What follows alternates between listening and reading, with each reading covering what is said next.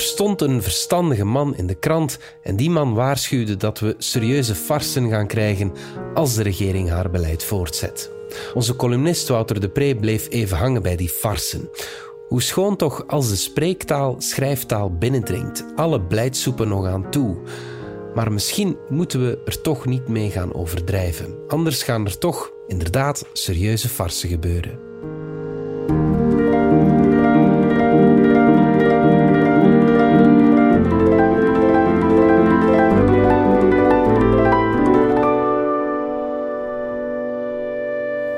Dat we serieuze farsen gaan krijgen als de politiek de kinderbijslag zal uithollen, waarschuwde armoede-expert Wim van Lanker in deze krant.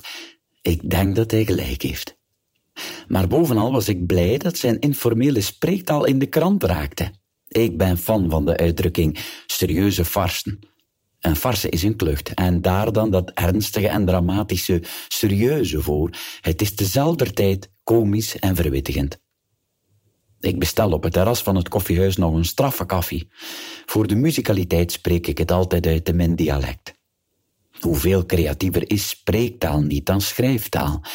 Is het omdat spreektaal vaak ook dialect is, dat ze niet makkelijk binnensluipt in de geschreven taal? Dat het bij de verkiezingen van 2024 beleidsoepen zal zijn, had Van Lanker nog kunnen toevoegen, als er kindergeld afgepakt wordt van mensen die al geen nagel hebben om aan een gat te scharten. Hoe komen politici toch tot zulke gedachten over kinderbijslag? Misschien kennen ze te weinig arme mensen. Is het daarom dat ze blind pijzen dat ze een Picasso aan het schilderen zijn? Het meeste houd ik van verbale improvisaties. Twee tafels verder op het terras drinken twee vrienden een cappuccino uit een bekertje.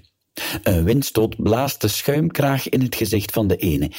Met schuim in zijn neusgat en wenkbrauw zegt hij: Ik was vergeten dat cappuccino een drank is voor wind mee. Zijn kameraad lacht en zegt, je zij snelder met koffie op je gezicht. Je zou beter elke ochtend een hele terbos over je kop kappen.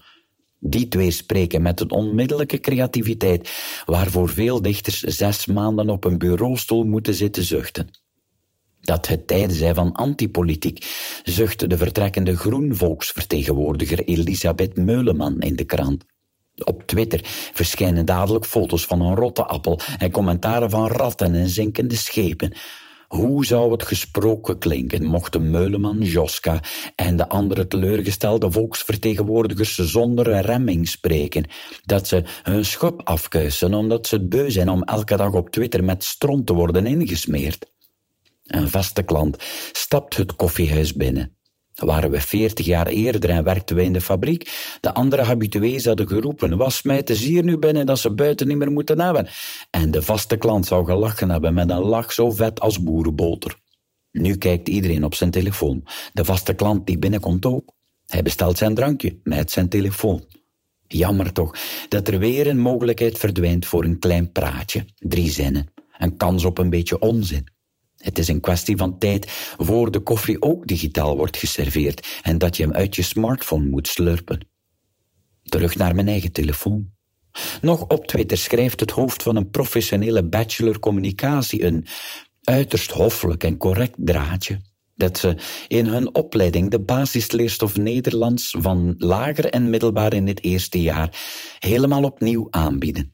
Basisregels van grammatica worden herhaald, lange en korte ei, DT-regels, de hele zwik. En dat het voor veel leerlingen blijkbaar de eerste keer is dat ze die leerstof gestructureerd aangeleerd krijgen. Voor de zoveelste keer voel ik mijn kloten rammelen van schaamte voor de kinderverwaarlozing die we een generatie aandeden. Ja, ik ben van van spreektaal, maar moet onze schrijftaal daarvoor kapot? Of verscheidene hogescholen niet samen een voorbereidend jaar voor taal kunnen aanbieden, vraagt een collega aan het schoolhoofd.